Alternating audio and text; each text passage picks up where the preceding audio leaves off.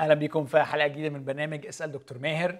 آه، آه، الوقت اللي جاي آه، أنا فرحان قوي إن هيبقى عندنا فرصة فيها نجاوب على الأسئلة اللي حضراتكم بعتوها على مر الكام أسبوع اللي فاتوا. إحنا لسه خارجين من سلسلة طويلة عن سفر الرؤيا والرسائل للكنائس السبع وكمان التطبيق لكنيسة القرن الواحد والعشرين بتحدياتها المختلفة وال- والخاصة. بس الوقت اللي جاي الحلقتين اللي جايين دول آه، آه، عندنا فرصة إن إحنا يعني نلم أسئلة جت على مدار فترة طويلة آه، من حضراتكم على سليدو الابلكيشن اللي إحنا بنستخدمه علشان نستقبل الأسئلة. وزي ما حضراتكم عارفين أنا لما بخش على سليدو ممكن ألاقي سؤال يعجبني فأعمل عليه vote وممكن أنا كمان أكتب سؤال. آه وما اكدبش عليكم الأسئلة كتيرة جدا بالمئات وده يعني أمر يفرحنا آه بس في نفس الوقت مسؤولية كبيرة إن إحنا نحاول نجيب أكتر آه أسئلة ممثلة. وبالتالي ال votes أو التصويتات ليها تقل بس كمان تكرار الأسئلة من نوعية معينة كمان ليه تقل تاني. فالوقت اللي جاي مع دكتور ماهر هنحاول إن إحنا نمشي كده في جولة سريعة أن- يعني مواضيع متعددة و و ومختلفة آه، لاهوتية اجتماعية آه، نفسية آه، وأحب نسمع رأيك فيه. وهو ده بقى أصلا برنامج اسأل دكتور ماهر إزيك يا دكتور؟ أهلا يا يوسف. أنت كويس؟ أشكر ربنا. جاهز؟ بتبقى دايما حلقة صعبة حلقة الأسئلة دي لأنها بتبقى يعني عمري ما كنت ف- جاهز. ف- طيب أوكي. أمال لو كنت جاهز يا دكتور هتعمل إيه؟ أوكي. آه هنبتدي بسؤال مش سهل وصعب. يعني مش سهل وصعب هي نفس الحاجة. بس آه آه إحنا في وقت مش سهل ما حدش فينا يقدر يقول إن إحنا عبرنا يعني بسلام الأزمة بتاعة الكورونا بكل مشاكلها. بالعكس يمكن آخر شهرين أو. حاجة آه، ناس كتيرة في كل الدوائر آه، فقدت أعزاء ليها وناس بتحبها وكده.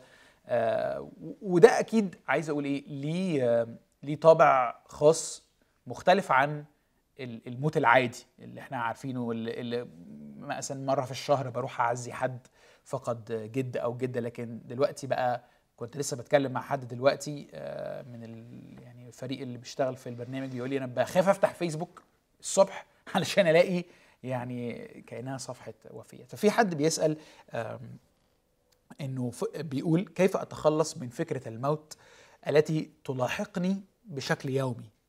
هل هي محاربة من إبليس؟ يعني أحط نفسي مكان الشخص ده واحاول أتخيل هو بيسأل السؤال ده لأنه فعلا دلوقتي ما بقاش في الموضوع ما بقاش بعيد.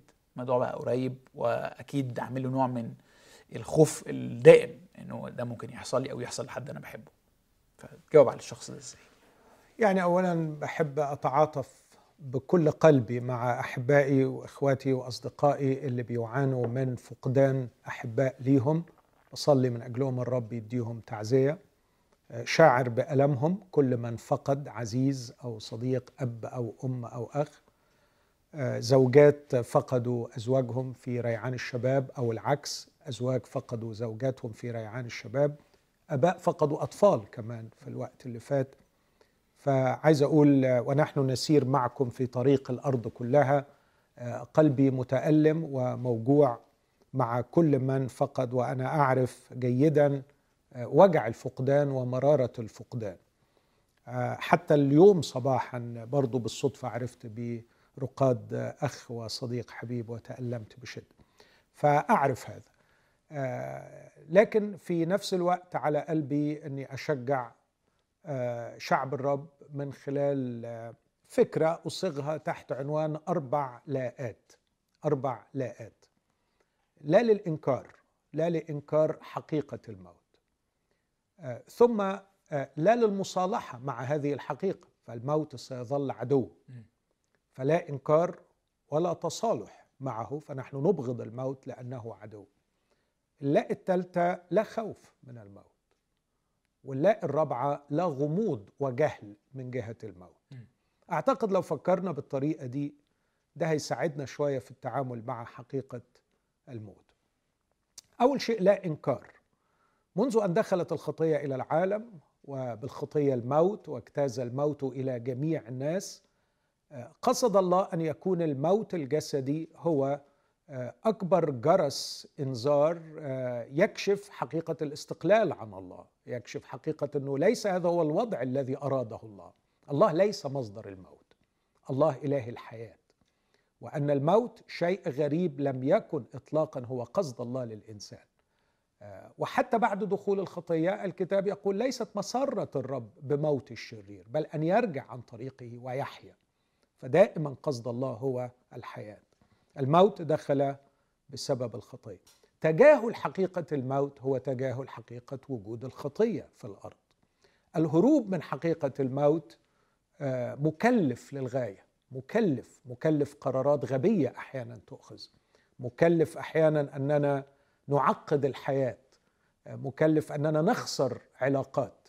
مكلف أننا نستهلك الطاقات والإمكانيات فيما لا نفع منه. فليس من الحكمة ابدا أن نتجاهل حقيقة الموت. أفهم بس حاجة لما حضرتك بتقول يعني الموت ليه علاقة بدخول الخطية مش بتعني الخطية الشخصية بتاعت الفرد اللي مات. بالظبط بالظبط. okay لكن الخطية بصفة عامة قال الخطية يعني. بالظبط حادثة السقوط والاستقلال عن الله. okay. الكتاب علمنا مثلا في سفر المزامير إنه في أشخاص بيعيشوا بيتصرفوا كأنهم باقين إلى الأبد في الأرض ودول بيفجروا. صح. ولا ينسوا أنهم سيؤخذون في يوم من الأيام بالشبكة وكالطائر يؤخذ بالفخ. عشان كده موسى النبي مثلا في مزمور تسعين قال كلمات جميلة جدا. قال إحصاء أيامنا هكذا علمنا فنؤتى قلب حكمة. خليني يا رب دايما أعد أيامي وأعرف أنها معدودة وقليلة. فبالتالي أتصرف بحكمة فيما بين يدي قبل أن يفر من يدي. آه كتبت مرة زمان أني كل يوم بشعر أن العمر يفر مني أن الأيام تفر مني. وبالتالي أصارع الأيام وأعتصر اللحظة. لعلي أستخرج منها شيئا. احقنه في كياني الادبي فأصبح انسانا أفضل أو أصنع خيرا أجده كحصاد في الملكوت الأبدي في المستقبل. الأشخاص اللي كتير بيرفضوا قبول خلاص الله وقبول رسالة الإنجيل لأنهم مش حاطين في بالهم إنهم هيموتوا. ف الشخص اللي بيقول إنه الموت فكرة الموت تلاحقني باستمرار آه عايز أقول ليس من الحكمة إن إحنا نقول له لا ما تفكرش في الموت ابدا. وندخله في حالة الإنكار. لا الموت حقيقة بل أتذكر الدكتور زكريا إبراهيم في كتابه مشكلة الحياة كاتب في المقدمة الموت هو الحقيقة الوحيدة في الحياة. الموت هو الحقيقة الوحيدة الأكيدة في الحياة. فلا إنكار وأشجع إخواتي سواء كانوا مسيحيين حقيقيين أو مفكرين باحثين دعونا لا نتجاهل أن الموت حقيقة وقريب جدا منا. وعلينا أن نضعه في حساباتنا وإحنا بنتعامل مع بعض وإحنا بنتعامل مع الأيام وإحنا بنتعامل مع كل شيء.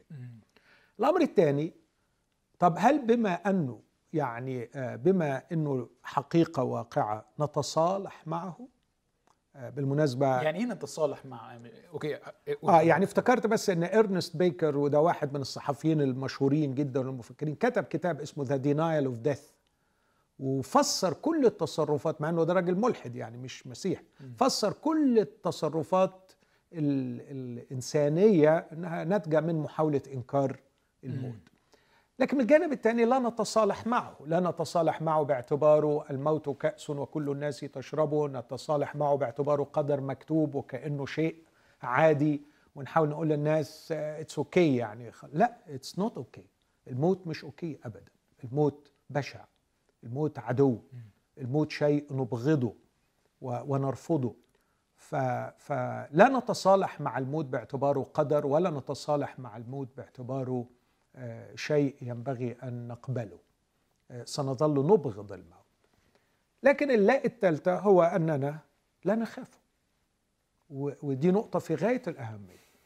أي فهم حقيقي لصليب المسيح وقيامة المسيح يوضح لمن يفهم أن الصليب والقيامة أمران يعنيان في المقام الأول بمأساة الموت. كتاب يقول في عبرانيين 2 14 أن عن الرب يسوع لكي يبيد بالموت ذاك الذي له سلطان الموت ويعتق أولئك الذين خوفا من الموت كانوا جميعا كل حياتهم تحت العبودية. فموت المسيح على الصليب بالموت يبيد ذاك الذي له سلطان الموت ويعتق من خوف الموت. فموت المسيح على الصليب كسر شوكة إبليس سحق رأس الحية. الرسول يقول في كورنثوس الأولى 15 شوكة الموت هي الخطية وقوة الخطية هي الناموس. لكن شكرا لله الذي يعطينا الغلبة بربنا يسوع المسيح. ما البرهان على أن المسيح في الصليب كسر شوكة الموت ورفع عنا العقوبة ورفع عنا النتيجة وبموته أخذ عنا موتنا؟ ما الدليل؟ القيامة. فالقيامة والقبر الفارغ يعطينا بهجة في الانتصار ويقين أننا آه، منتصرين. فعشان كده الرب يسوع كان بيكلم التلاميذ في متى عشرة مثلا وهو بيبعتهم للإرسالية وبيقول لهم هيقتلوكم.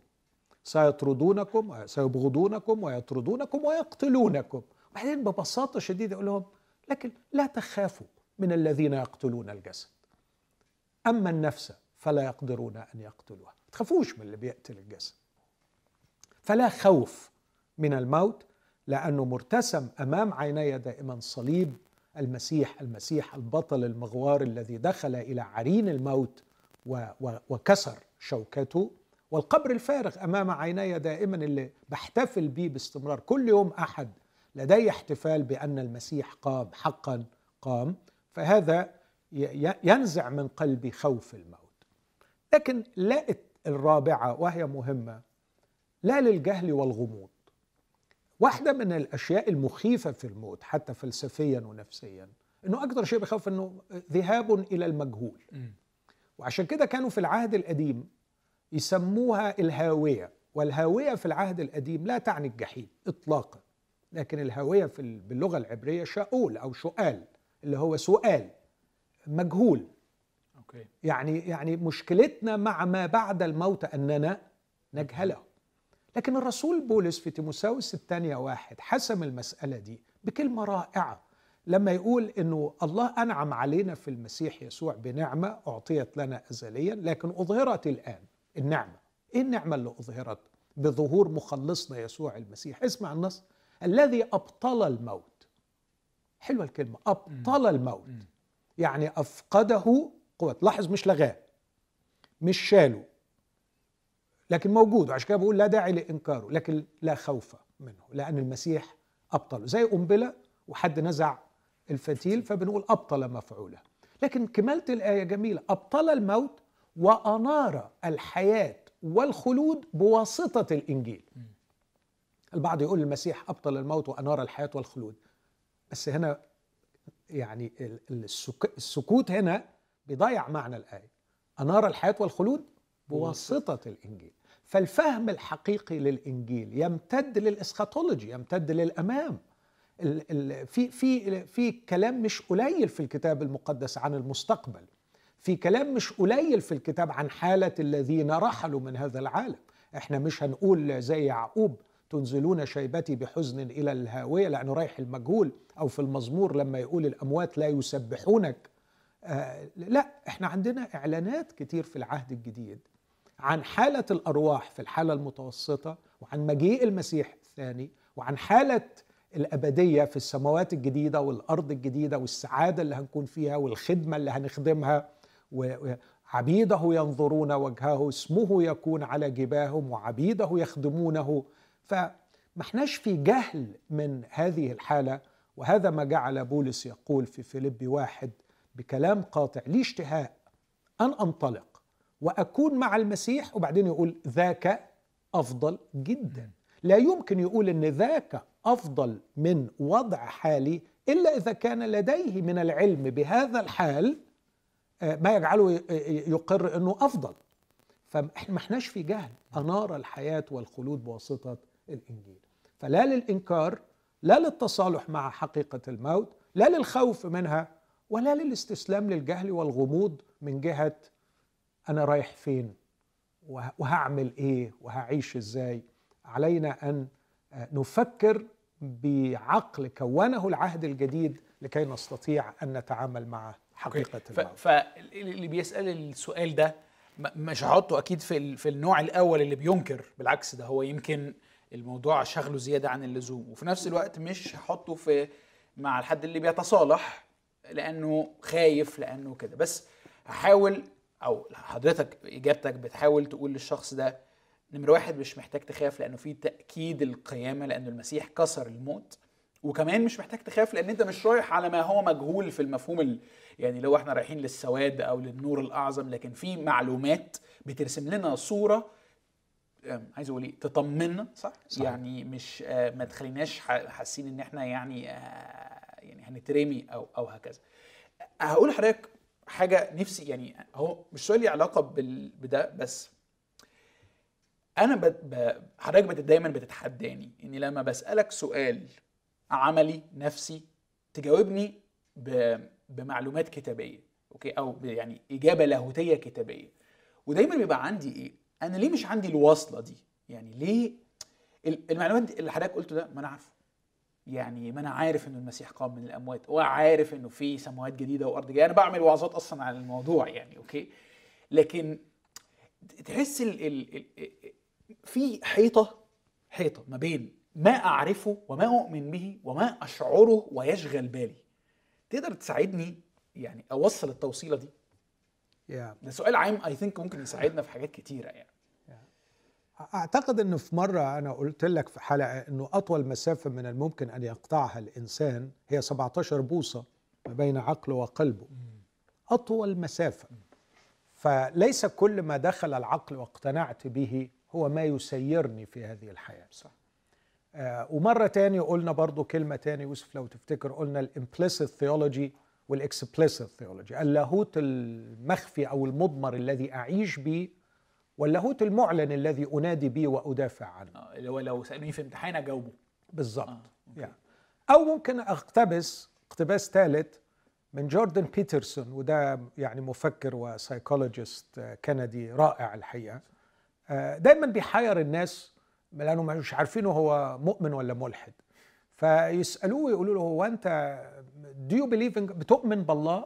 فيرد رد جميل يقول أنا أتصرف كأن الله موجود لأن الإيمان في نظري هو فعل وليس يعني قناعة فكرية. الإيمان فعل. To believe is to act. أن تؤمن هو أن تفعل. آه فكان كان معايا صديق عزيز من كام يوم آه وكنت بكلمه عن الرب وأهمية قبول الحياة المسيح للحياة. فمش قادر يعني يستوعب الفكرة. ففي الآخر ذكرته بموقف حصل معاه في الفترة إزاي ربنا أنقذه. فقلت له إيه اللي تستنتجه عن صفات الله من هذا الموقف؟ فقعد يفكر شوية ووصلنا لثلاث حاجات إنه ربنا حنين إنه ربنا قوي إنه ربنا متحكم. قلت له خلاص اطلع من قدامي دلوقتي وتصرف في الأسبوع اللي جاي بناء على حقائق ثلاثة أنت عندك يقين من جهته ربنا حنين ربنا قوي ربنا متحكم في كل شيء. وكل ما تلاقي روحك مش بتتصرف طبقا لهذه الحقائق الثلاثة لوم نفسك. علشان تتظبط. علشان أكون فعلا إيماني له أعمال. وده معنى إن الإيمان يكون له اعمال يعني إنه ال- ال- الإيمان الذي لا يترجم إلى فعل ناتج من هذه القناعة هو إيمان ميت التحدي التحدي اللي حضرتك يعني تحديت بيه هذا الشخص إنه أنت محتاج تحلل كل تصرف أنت بتعمله في حياتك اليومية آه، في ضوء اللي أنت مقتنع بيه مش. إنه إنه أنا يعني عندي الوقت اللي فيه بذاكر اللاهوت بتاعي والوقت فيه بقى اللي بعيش وباكل عيش يعني بالظبط. أوكي فاعيش دايما آه، واسأل نفسك هل اللي بعمله هل اللي بحسه هل كده متناسق مع اللي أنا وأضيف لك تعبيرين مهمين قوي في الحتة دي يا يوسف. في يعني سمة نفسية مرضية مرضية آه بيسموها compartmentalization compartmentalization.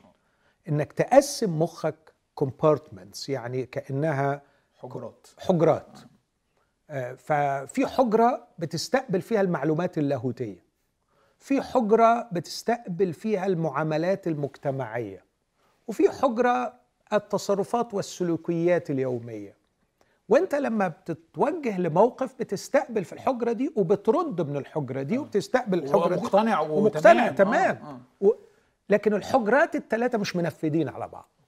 فما تقتنع به في الكنيسة وتمارسه في اللاهوت والمناقشات اللاهوتية؟ لم يمس إطلاقا علاقاتك الاجتماعية يعني أو لم يمس إطلاقا ممارساتك اليومية. كل ما استسلمنا لهذه السمة السيئة كلما أصبحنا أشخاص بعيدين عن الأصالة. عن الأصالة. الأوثنتسيتي. وأقول بقى تعبير تاني اللي هو الأصالة. كلما آه تم تقصير وحتى نصل إلى إلغاء الفجوة بين ما أقتنع به وأؤمن به وما أعيش طبقا له كلما برزت الأصالة الحقيقية للإنسان. فدي رحلة تحدي يا آه، يوسف. دي رحلة دي مش حاجة اللي هو يعني يوم وليلة يعني. أنا أنا أتذكر ساعتها قلت له أول ما تركب العربية مفروض إنك ما تبقاش واخدها for granted إنك هتوصل سليم. لكن تذكر الله الحنين على أطفالك. تذكر الله القوي اللي يقدر يحملك. تذكر الله المتحكم في كل شيء اللي يحفظك. آه، فوانت بتسوق العربية وانت بتاكل وانت بتشرب ما تاخدهاش for granted ما تاخدهاش كده. دايما آه، أشكر دايما تذكر دايما فكر. آه، أعتقد إنه ده اللي يساعدنا عمليا لتكسير الفجوة دي. حلو قوي أشكرك يا دكتور. أرجع تاني معلش لموضوع الموت. في ناس بتبقى خايفة من الموت بس في ناس أكتر بتبقى خايفة من موت الآخرين أو من ال- الفراق أو التأثير النفسي ال- ال- اللي بيجي من ده. فأنا هقول لحضرتك سؤال بيمثل واحدة من ال reactions بس مش بالضرورة يبقى هو ده ال reaction الوحيد يعني. بتقول ماما سافرت السما فجأة وحزينة من فراقها ومشتاقة لها قوي بصلي إني أروح السما بسرعة بس آه، ماليش وبعدين ماليش غير ماما وبابا وأختي بحبهم وبصلي أمشي قبلهم. هل دي صلاة مقبولة؟ اولا بعزيها طبعا وبصلي ان الرب يملأ قلبها بالتعزيه هل صلاة مقبولة إني عايز أروح السماء؟ آه، أنا شخصيا بس أتمنى مراتي واولادي ما يسمعونيش. آه، أنا شخصيا أحب أروح السماء ومشتاق أروح السماء. و- ويقيني إنه مروحي آه، بالنسبة لي أفضل جدا فعلا عن قناعة يعني. يعني أنا متأكد ومش بقولها يعني دروشة لكن أنا مقتنع إنه نوع الحياة الممتعة بالنسبة لي نوع الحياة الممتعة هيكون هناك أفضل 100 مرة من اللي أنا مستمتع بيه هنا يعني لو أنا بستمتع آه يعني ال- ال attitude بتاعك مش اللي هو يه تعبت من الحياة دي عايز أروح حياة أريح. لا أنت أنت يعني تبحث عن استمتاع أك أفضل أك يعني أكبر. بالظبط okay. لأنه بالنسبة لي الاستمتاع مثلا هنا على الأرض في الاستناره العقلية. الاستمتاع في العلاقات المشبعة العلاقات الحميمة. الاستمتاع بصراحة إنك تبقى مع ناس محترمة ونظيفة. ف- فأنا لو فكرت في الثلاث حاجات دول هو في استنارة أعمق ولا أعظم من إني أعرف كما عرفت أعرف فرحة المعرفة فرحة الاستنارة أعرف؟ وهل في علاقة أعمق من العلاقة مع المسيح ومع القديسين هناك وإنك تدخل في علاقات لن يشوبها أنانية ولن يشوبها حسد ولن تشوبها غيرة ومحدش هيشتمك ومحدش هيضايقك ومحدش هيغلس عليك ومحدش ما يفهمكش. إنك تبقى في هذا النوع من العلاقات إيه ده؟ ولا هل هل في أروع من أن تكون في حضرة المسيح وتستمتع بأحضانه وتستمتع برؤيته؟ ففرشور المتعة هناك أعظم مليون مرة من المتع اللي هنا. لو أنا حياتي انحصرت إن المتع اللي هنا هي آه، أكل وشرب وجنس وطبعا هتبقى يعني العملية سخيفه لكن لو ارتقينا في أنواع متعنا يصبح الانتقال إلى هناك آه، شهوة. وده اللي خلى بولس يقول لي اشتهاء أن أنطلق وأكون مع المسيح؟ ذاك أفضل جدا. آه، لكن في نفس الوقت الرسول اللي قال كده قال أن أبقى في الجسد فذلك ألزم. فالمقابلة هنا ليس بين حسن وأحسن بين شيء جميل وشيء أجمل لكن الم- المقابلة هي ما بين الأفضل والألزم. ما هو الأفضل بالنسبة لي؟ ما هو الألزم بالنسبة لكنيسة الله وبالنسبة للرسالة في الحياة وبالنسبة للي حواليا. فمش بقابل حاجتين في نفس ال- الليفل. لأن بولس عمره ما هيحط متع هناك في مقابلة مع متع هنا ولا الوضع هنا. خصوصا بولس بالذات اللي ما كانش بيشوف يوم عدل هنا يعني. لكن هو المقابلة بين ما هو أفضل وما هو ألزم. آه، وفي الآخر الراجل اختار ما هو ألزم وكأنه عايز يقول الأفضل بقيلي بقيلي. الأفضل جاي جاي طالت ولا قصرت رايح له. لكن أنا عندي رسالة دلوقتي. فأرجع أجاوب السؤال وأقول هل هي صلوة مقبولة؟ إذا كانت شهوة آه، مبنية على ما هو الأفضل مقبولة. لكن إذا كانت كآبة ورغبة من التخلص في الحياة آه، فهذا غير صحيح. يعني sorry التخلص في الحياة يعني. من الحياة. من الحياة okay. آه أو من الألم الذي يأتي في الحياة بالضبط آه ده تصرف غير صحيح والرب لامه لما يونان قال له يا رب خذ نفسي. آه لست خير من أبائي. فالرب قال له أنت أنت ليه متغاظ؟ أنت عايز تموت عشان متغاظ. ما ينفعش تموت عشان متغاظ. واغتصت هنا بمعنى يعني مكتئب ومحبط و... فقال له لماذا اغتصت؟ هل اغتصت بالصواب؟ فقال لو اغتصت بالصواب حتى الموت. أنا مش طايق الدنيا لدرجة ان أموت. فالرب قال له لا أنت ما كانش عندك حق في هذا الرفض للحياة لأنك أنت أشفقت على يقطينة وأفلا أشفق أنا على اثني عشر رب. وأنت عارف القصة بتاعت يونان آه، من جانب تاني أقول فيعني رأيي إنه إيه الدافع وراء آه، مثل هذه الصلاة؟ الأمر الثاني أنا عايز أقول فكرة مهمة قوي يا يوسف.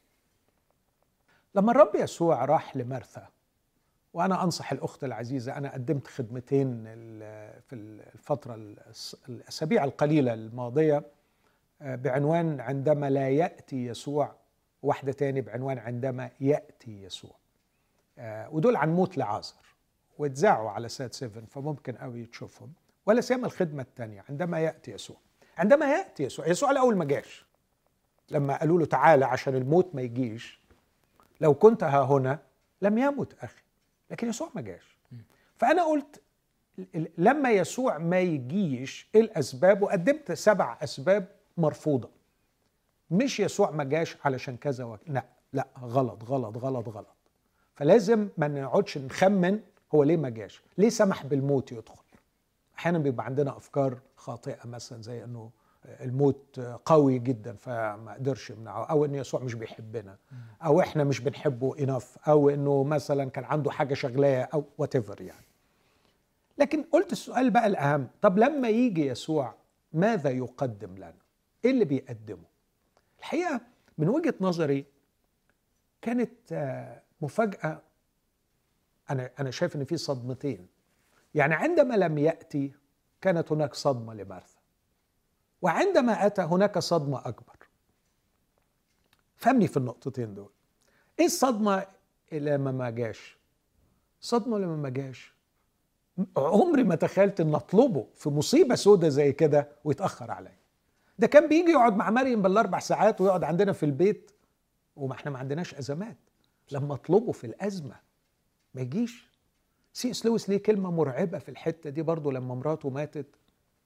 قال خوفي على نفسي ليس أن أفقد إيماني بوجود الله لكن أن أقتنع أنه بهذه القسوة أن أؤمن أنه قاسي بهذا الشكل. ففي صدمة إنه ما جاش. لكن فوجئنا إنه جه بعدين وجه بكل قوته وجلاله وعظمته وبكى معهم. فما هو مش قاسي ابدا. ثبت بالبرهان في قصة العذر إن يسوع ما كانش قاسي ابدا لكن كان في حكمة معينة عنده وهو قال إنه مش النهاية هي الموت لكن النهاية هي مجد الله. طب لما جه بقى الصدمة الثانية خد. بتقول له يا سيد لو كنت هنا لم يمت أخي. اسمع العبارة دي. لكني الآن أعلم أن كل ما تطلب من الله يعطيك الله إياه. إيه اللي كان عايزك تفكر معايا إيه اللي كان ممكن تقصده مرثى إن كل ما تطلب من الله يعطيك الله إياه؟ إنك تطلب إنه يشفى. فما يموتش. لا ده هو جه بعد ما ده, آه. ده الكلام ده بعد ما مات. بتقول له كده لو كنت هنا لم يمت أخي. آه. لكني الآن أعلم أن كل ما تطلب من الله يعطيك الله إياه. أول مرة أفكر في السؤال ده لأنه لأنه أكيد ما كانش في بالها أن يقيموا لأنه لما قال لها لن يموت من يؤمن بي لا آه، آه، من يؤمن بي أنا القيامة والحياة قلت له أنا أعرف أنه سيقوم في اليوم الأخير. ف مش عارف. يعني واضح جدا إنه أنا دلوقتي في أزمة رهيبة. فقدت أخويا. فقدت مصدر أماني في الحياة. فقدت مصدر شبعي العاطفي. فقدت مصدر الكرامة والقيمة في البلد. فقدت كل شيء. أخويا. أخويا راح. وده ما كانتش متجوزة. ما كانتش متجوزة. فده بالنسبة لي يمثل الشعور بالأمان يمثل الإشباع العاطفي يمثل القيمة والكرامة. مثلا لو اخترت الثلاث حاجات دول. فأنا أعلم إن كل ما تطلب من الله يعطيك الله إياه. يعني اطلب لي أي حاجة تعزيني في المصيبة اللي أنا فيها دي يعني. فالغريب جدا إن الرب راح قال لها سيقوم أخوك. فكأنها بترجعه تاني للطلبة اللي هي عايزاها. أيوه أنا عارفة أنا عارفة إن هو هيقوم أنا أعلم إنه سيقوم في القيامه آه. في لا قالت له كده أعلم انه سيقوم في القيامة في اليوم الأخير. أيوة. بس أنا بتكلم دلوقتي. على دلوقتي المصيبة اللي أنا فيها دي. أنا هو. أنا هو القيامة والحياة. لا تنتظري طلب ولا تنتظري حدث. لن أطلب لك شيئا ولا تنتظري فعلا أفعله لكني أعطيك نفسي. أنا هو. خديني أنا يا مرثا. فكانت الصدمة أنه ليس معلم ديني يرسم طريقا للخلاص من الألم. لكنه مخلص يخلصنا بأن يهبنا نفسه. فكر في دي يا يوسف ليس معلم ديني يرسم لنا طريقا للخلاص من ألامنا. لكنه مخلص يخلصنا من ألمنا بأنه يهبنا نفسه يعطينا نفسه. طبعا ده فكر جديد خالص المسيح بيقدمه. أنا هو القيامة والحياة. من آمن بي ولو مات فسيحيا.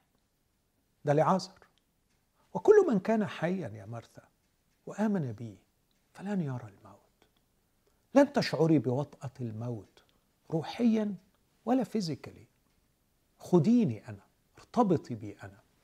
بص يا يوسف أنا أعتقد وأعتبر أن رحلة حياتي الشخصية كلها هو أن الرب يكسر كل عكاز أستند عليه سواه ويهلك كل رصيد غيره في هذه الحياة. الرب يريد أن يصل بنا إلى مرحلة أن يكون يسوع الكل لي هو الكل في الكل.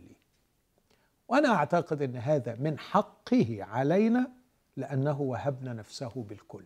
فهو يريد أن نغتنم هذه الغنيمة. يسوع وهبنا نفسه بالكل.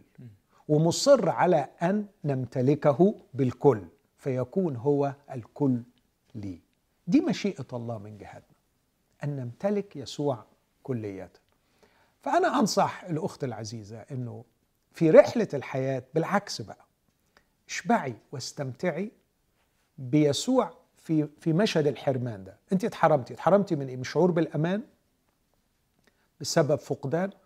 قولي للرب يسوع عايزه أمتلكك بالدرجة التي تهبني أمان أفضل من الأمان اللي كنت واخداه من علاقتي بأمي أو علاقتي بزوجي أو علاقتي بأبي. هنا هيجي السؤال هل يقدر يسوع أن يعطينا هذا النوع من الشعور بالأمان؟ إجابتي نعم. آه الإشباع العاطفي الفقدان سيء. اي مس ب بفتقد هذا الشخص الذي كنت أحبه.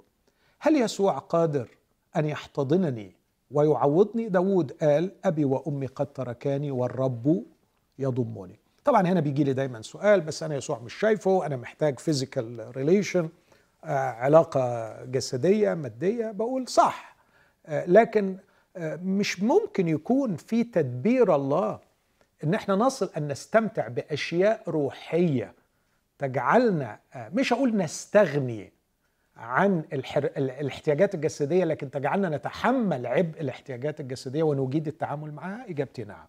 فهمني في النقطة دي؟ فهمك. يعني أصل إلى حالة من الشبع الروحي التي تمكنني من إجادة التعامل مع الحرمان المادي على أساس إن الحرمان المادي مؤقت. مش دائم يعني. يعني عايز أشكرك قوي على الإجابة دي وحاسس إن يعني في حاجات نورت قدامي. الخوف بس ساعات لما برضو تاني عارف ال ال ال يعني مقتنع بس بقابل مشكلة بتصعب عليا تطبيق ده عليها. إن لما بنتكلم مثلا عن المرض والموت بنحطهم كلهم تحت نفس النوع يعني أو نفس الموضوع. بس مثلا واحدة من الأسئلة اللي جات لنا آه، قطعني بصراحة وهو متعلق بكده وكأني عايز أقول إيه باستخدام اللي حضرتك قلته من شوية ده هترد بقى عليه إزاي؟ واحد بيقول سمح الله لي بتجربة آه، قاسية بمرض آه، السرطان. خايف جدا على طفلي الصغير ثلاث سنين. حاسس إني بودعه طول الوقت. بحاول أتماسك لكن مشاعري غلباني من الخوف والضغط. فماذا أفعل؟ فهنا سنة مختلفة عن إنه أنا مثلا بودع ابويا أو أمي. أوكي؟ لكن يعني طبعا يعني بكل قلبي بتعاطف وبقف جنبه بقلبي وبصلاتي. آه، لكن خليني أقول له بعض الأشياء. آه، الشعور بالأبوة شعور رائع جدا وجزء أساسي من أبوتنا شعورنا بالمسؤولية الشديدة تجاه أولادنا. آه، لكن علينا أن نتذكر إنه ما نفعله لأبنائنا لا شيء لا شيء بمقابل ما يفعله الله لأبنائنا. اللي ربنا هيعمله في حياة أولادنا كتير ومهم فعايز أقول أنا مش هقدر أحل محل الله بالنسبة لابني. سيظل ابني يحتاج إلى ابوتي لكنه يحتاج إلى الله أكثر مني. آه، فما تفكرش في نفسك إنك أنت المصدر الوحيد آه، لابنك لكن يوجد أب في السماء. وده واضح مثلا في القصة بتاعه ملوك الثاني أربعة المرأة التي مات رجلها وراحت بالطفلين طفلين في خطر شديد لكن قالت لرجل الله أنت تعلم أن عبدك زوجي كان يخاف الرب. فالرب ملأ حياتها بعد آه، رقاد جوزها أفضل جدا من لما كان جوزها موجود. يعني وجوزها موجود هو استدان لو تفتكر. خد قرض ومش ومش عارف يسدده ولما مات جاء المرابي لكي يأخذ الولدين له عبدين. لكن بعد ما مات الراجل اللي حصل إنه الرب عمل معاها معجزة فقال لها اذهبي آه، أوفي الدين وعيشي مما بقى. فحالتها المادية ووضعها المادي بسبب تدخل الله كان أفضل من أيام ما كان جوزها موجود. فعايز أقول هناك إله يعتني باطفالنا آه، في في آية يقول له اترك أيتامك علي. أنا أعتني بهم. الله الله عارف هيعتني إزاي بالأيتام.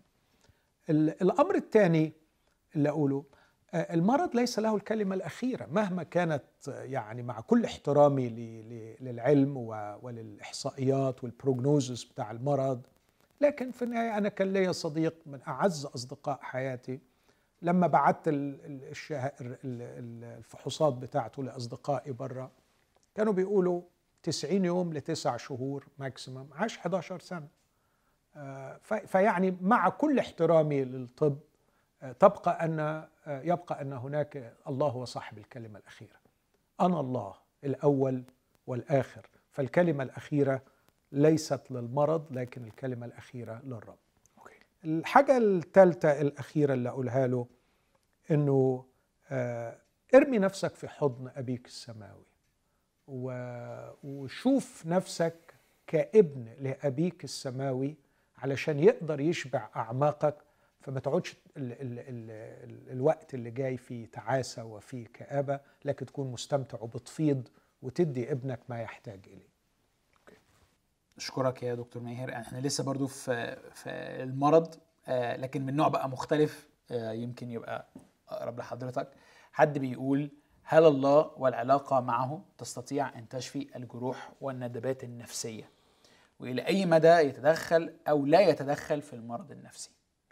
أنا في الأول عايزه أنا مش مش عارف الشخص ده يعني يقصد إيه بالجروح والندبات النفسية والمرض النفسي. هل دول نفس الحاجة بالنسبة له ولا دول حاجتين مختلفتين بس يعني؟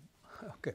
يعني كلمة الجروح والندبات والكلام ده يعني technically مش موجود في كتب الطب. يعني ما عندناش الكلام ده في كتب الطب النفسي. دي كلمات شوية تستعمل في يعني خلينا أقول إيه تستعمل في المشورة وتستعمل في ال- الوعظ أحيانا أو الكلام النفسي آه، في كتب التنمية والحاجات دي يعني. لكن علميا ما فيش. علميا في مرض نفسي.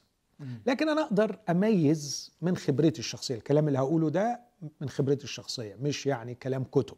أوكي. آه عايز أقول الكلام الكتب العلمي في حاجة اسمها المرض النفسي. خلاص المرض النفسي المرض النفسي حاليا خلل كيميائي أو أحيانا بيكون تشريحي في المخ نفسه. في مشكلة في وظائف المخ سواء في نسيج المخ أو في الكيمياء بتاعة المخ. وتعبر عن نفسها باضطراب في التفكير اضطراب في المشاعر اضطراب في السلوكيات. وإيه أنواع الاضطرابات وإيه حجمها؟ ده بقى علم رهيب اللي هو المرض النفسي. أوكي. وده يحتاج إلى طبيب نفسي وعلاج؟ بالأدوية.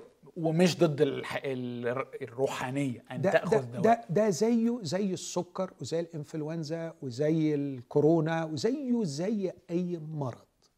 وأرجو أن يتسع فكر وقلب أحبائي ل- لنعلم أنه لا يليق بنا لا يليق بنا كأولاد الله أن نصنف المرض النفسي بعيدا عن بقية الأمراض. المرض النفسي خلل كيميائي أو تشريحي في المخ. وينتج عنه اضطرابات في التفكير اضطرابات في السلوك اضطرابات في المشاعر ولا بد من العلاج الكيميائي.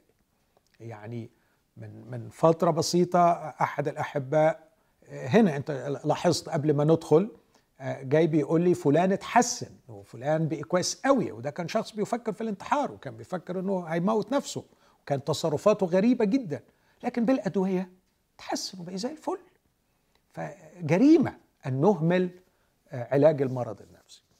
تحتي بشوية ما اسميه أو ما تسميه الكتب personality disorders اضطرابات الشخصية. اضطرابات الشخصية فيها عنصر وراثي وأحيانا بيلاقوا لها عنصر كيميائي لكن ما عندناش يعني حسم وحزم في تبين أسباب اضطرابات الشخصية. واضطرابات الشخصيه كتير قوي يعني. على الأقل 16 نوع مسجل كاضطراب مرضي بيؤثر على الشخص في علاقاته في سلوكياته في طريقة تفكيره في في تعاملاته. يعني مثلا تلاقي الشخصية الوسواسية مثلا تلاقي الشخصية المتجنبة تلاقي الشخصية الحدية اللي بيسموها أو الحدية اللي هي ال borderline. وكل الشخصيه النرجسيه الشخصيه السايكوباثيه كل دي شخصيات و... و... والعلاج الحقيقة الأدوية ما بتجيبش عشان أكون أمين ما بتجيبش نتيجة كبيرة معاها.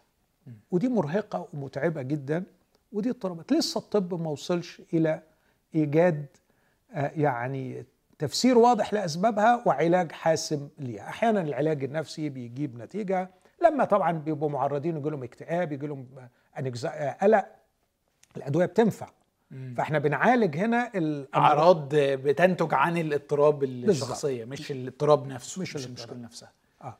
لغاية كده أنا بتكلم في الطب. okay. ده طب ده العيادة الطبية.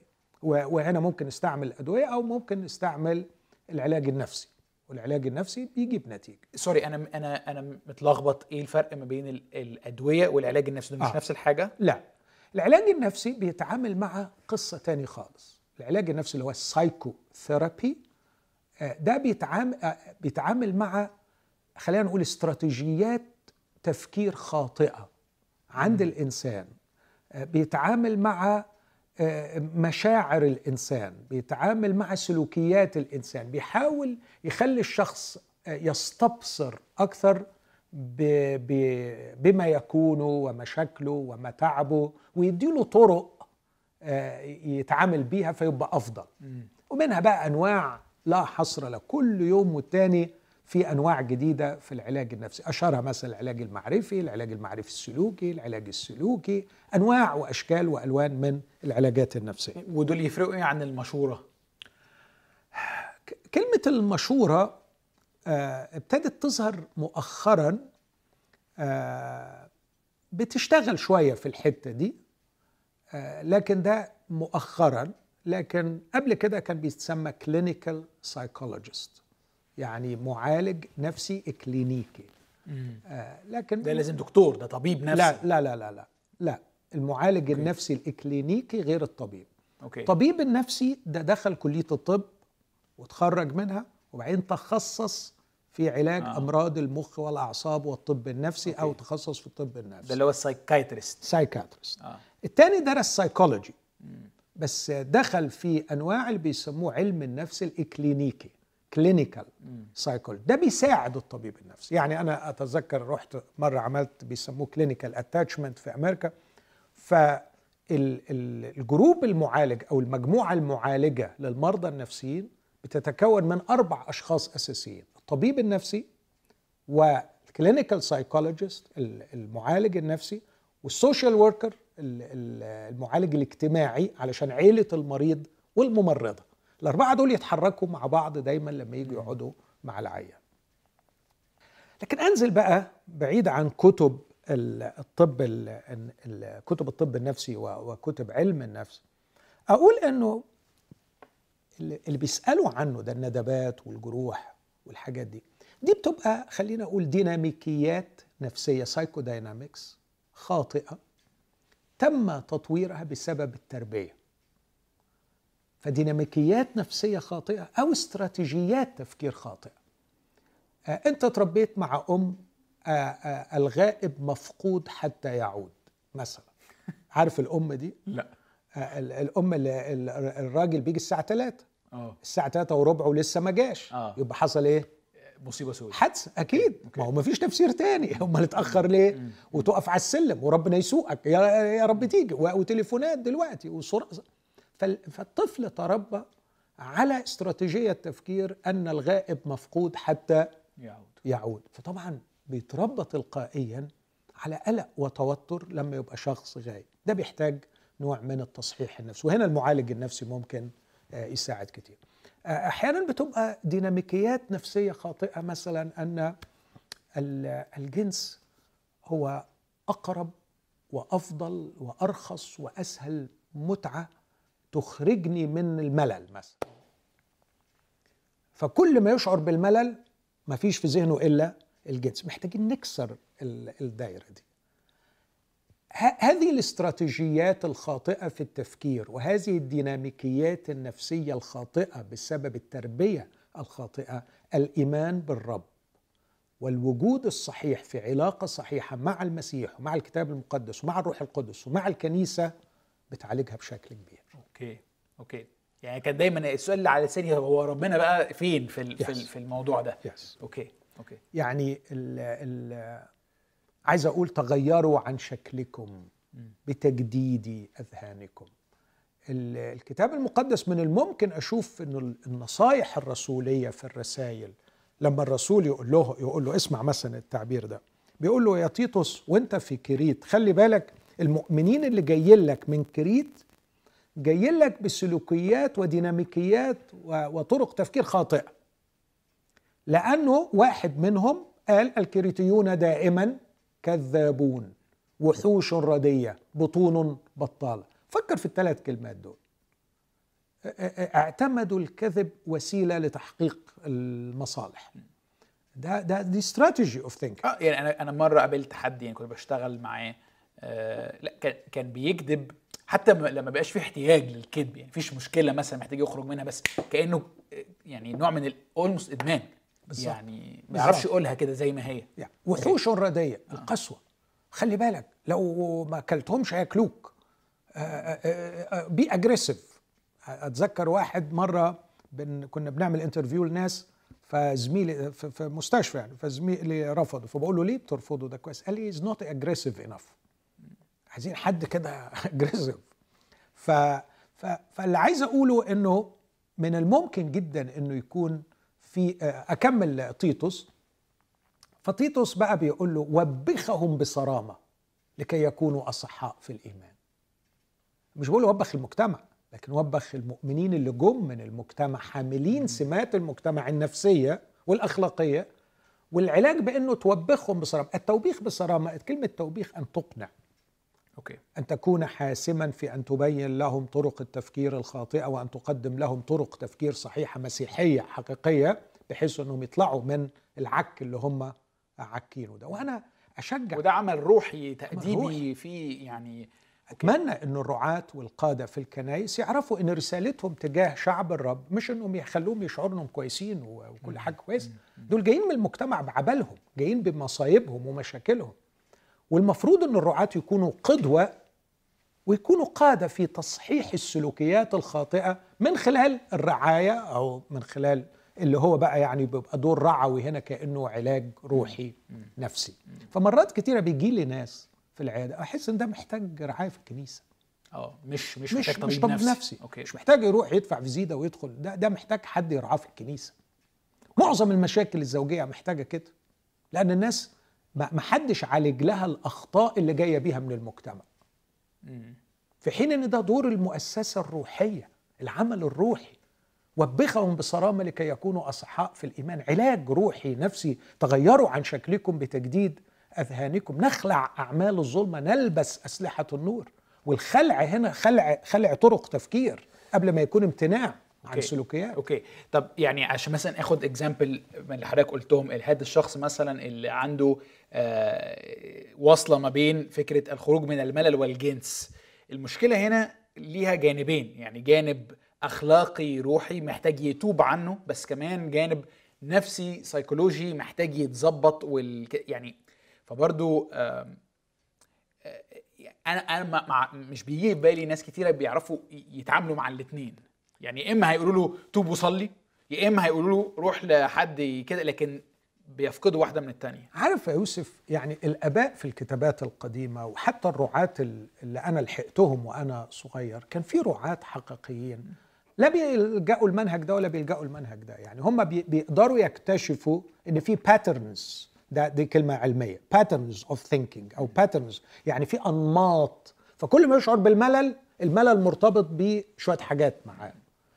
بيكتشف كده الراعي وبيحاول يساعد الشخص إزاي يتعامل مع الملل إزاي يحاول يفهم الخطية باعتبارها خطية فيكرهها إزاي يشوف النتائج بتاعتها. ده دور الراعي بيبصر الشخص فيعمل دي كونستراكشن للنمط يفكك آه. الإطار اللي هو مقيده بالخطية فده محتاج يعني حوار شخصي يمكن ياخد تلمذة. أكتر من مرة. تلمذة. تلمذة. العيشة وسط المجموعة والتلمذة. آخر حاجة بقى أقولها ودي المستوى الرابع اللي من تحت. إنك عشان تعيش إنسان في هذا العالم المكسور لازم تكون تعبان نفسيا. فالافتراض إنك ما تكونش تعبان ده افتراض سخيف وساذج.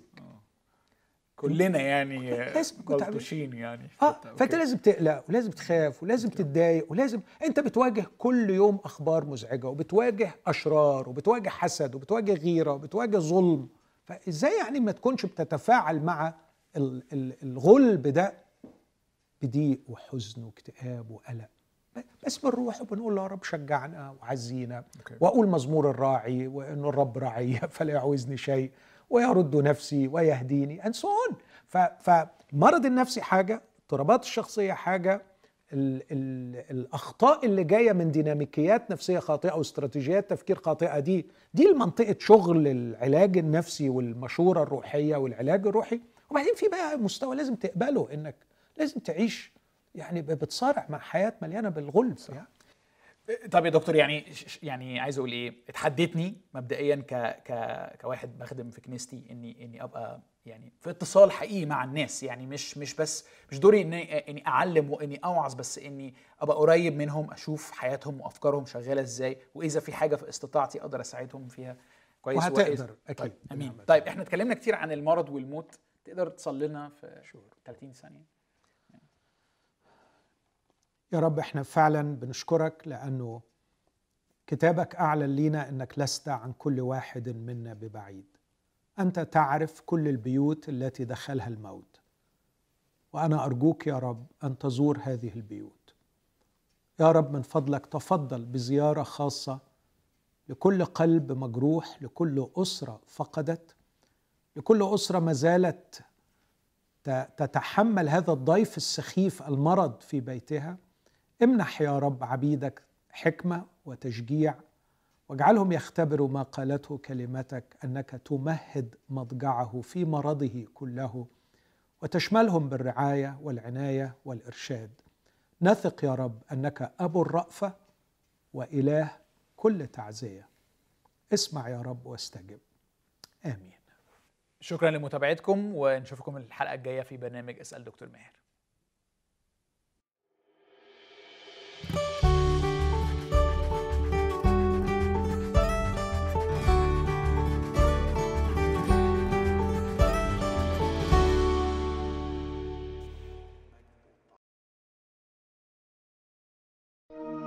لمشاهدة المزيد من الحلقات زوروا سات 7 بلاس.